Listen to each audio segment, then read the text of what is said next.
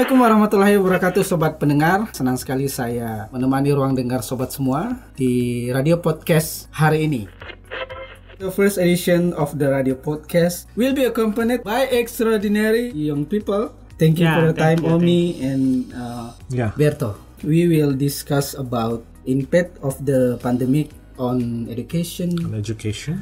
business, and humanity.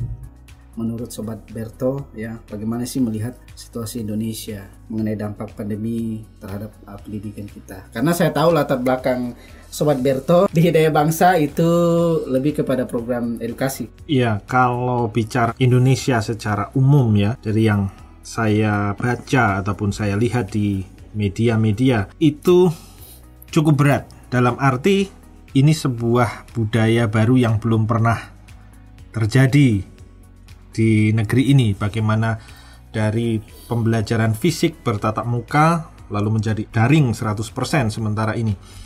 Banyak sekali yang terkena dampaknya terutama anak-anak banyak yang anak-anak yang baru saja masuk ke jenjang pendidikan entah itu di PAUD entah itu di TK mereka langsung shock melihat gambaran sekolah yang seperti ini yang jauh berbeda dengan sekolah-sekolah yang dialami oleh orang tua mereka ataukah eh, generasi sebelumnya tentu sangat berbeda.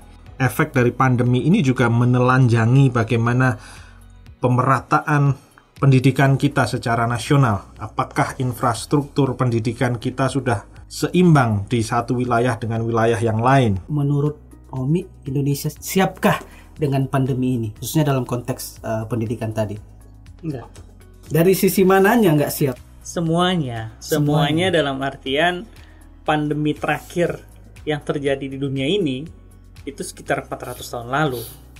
Itu pun uh, tidak sebesar yang tahun ini gitu. Dan waktu itu juga dunia kacau balau ketika ada namanya wabah black apa itu namanya? Like that. Black Death Black market? ya kan Black Death.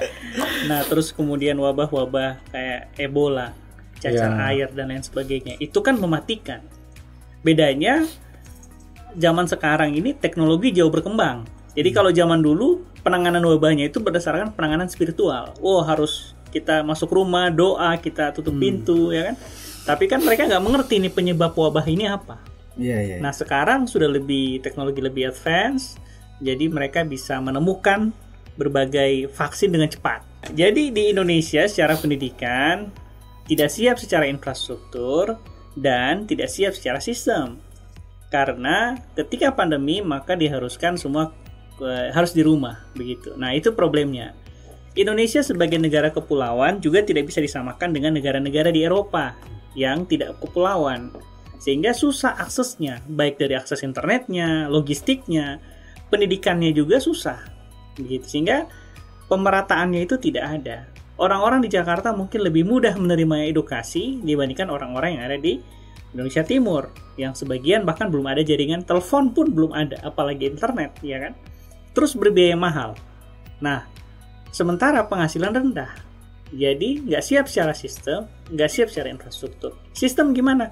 Jangankan murid pak, ya kan? Ini guru-guru juga susah ya kan? Stres juga yang baru baru tahu pakai WA, yang kemudian baru harus belajar. Jadi yang belajar ini semua pemerintah, guru, murid semua harus belajar karena pandemi ini. Kejadian nyata ada orangnya. Nah dia buka di internet gimana cara editing video. Jadi dia rekam videonya dia gini. Hmm. Hmm, terus mencatat gini. Hmm, hmm. Terus ketemu sama anak di lapangan bola lagi main ini apa layangan, ya kan? Iya. Lagi main layangan. Eh nggak sekolah nggak kan? Kalau pakai bahasa Sulawesi kan? Nggak sekolah nggak Ya enggak, tapi laptopnya di rumah menyala terus begitu. Ternyata dia putar background Zoom yang versi video, yang dia mangap-mangap gini. Ini pasti nge- ngefek juga ke psikologis orang tua juga ketika harus pulang mereka harus menjadi dalam tanda kutip guru les untuk anak-anaknya sudah capek sudah harus fokus ngajar. Iya kalau materinya paham kalau nggak paham kita cekcok juga. Yang Sobat Berto lihat anaknya lebih senang ketemu langsung atau sebenarnya mereka lebih suka dengan situasi saat ini? Nah, tergantung anaknya. Seperti anak saya itu umur masih umur tujuh tahun. Dia belum bisa membedakan maksudnya dia senang mana. Karena kan juga dia mengalami mengalami tatap muka kan waktu TK awal-awal. Jadi eh, dia mungkin belum bisa berpikir enak mana enak mana cuman sekarang dia suka aja enjoy aja kalau di rumah yang cerita dari keluarga tadi itu sebenarnya agak lucu ya. Dengan situasi itu sebenarnya anak-anak sekarang ini makin kreatif dalam hal positif atau makin kreatif dari hal negatif. Menurut Soto gimana? Betul. Kreativitas itu bakat lahir.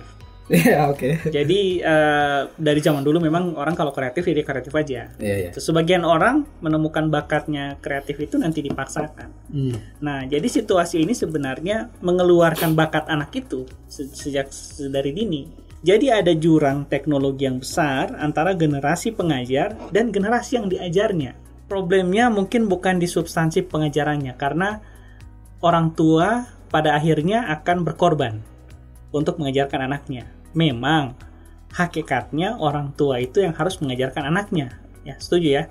Karena sekolah itu adalah alat dukung, Iya, iya. alat bantu untuk mengajarkan anaknya secara teorikal, kan? Tapi sebenarnya tanggung jawab pendidikan itu ada di orang tua. Hmm. Nah, berarti itu bukan substansinya. Substansinya di mana? Substansinya lebih ke fasilitas, perbedaan fasilitas. Sementara itu menjadi alat ukur. Makanya ada yang ditakutkan oleh para ahli pendidikan di dunia ini, yaitu bahwa selama pandemi kita akan kehilangan pendidikan untuk generasi-generasi selanjutnya. Adalah generasi-generasi para pemimpin ke depan. Kita nggak mungkin selamanya hidup kan? Mereka inilah nanti yang akan menjadi pemimpin-pemimpin perusahaan, pemimpin negara. Nah, bagaimana kalau kualitas mereka dari awal secara pendidikan itu tidak siap? Dengan situasi pendidikan yang yang seperti saat ini, bisa dibilang masa depan tidak berpengaruh, khususnya kepada kesuksesan. Sependapat nggak?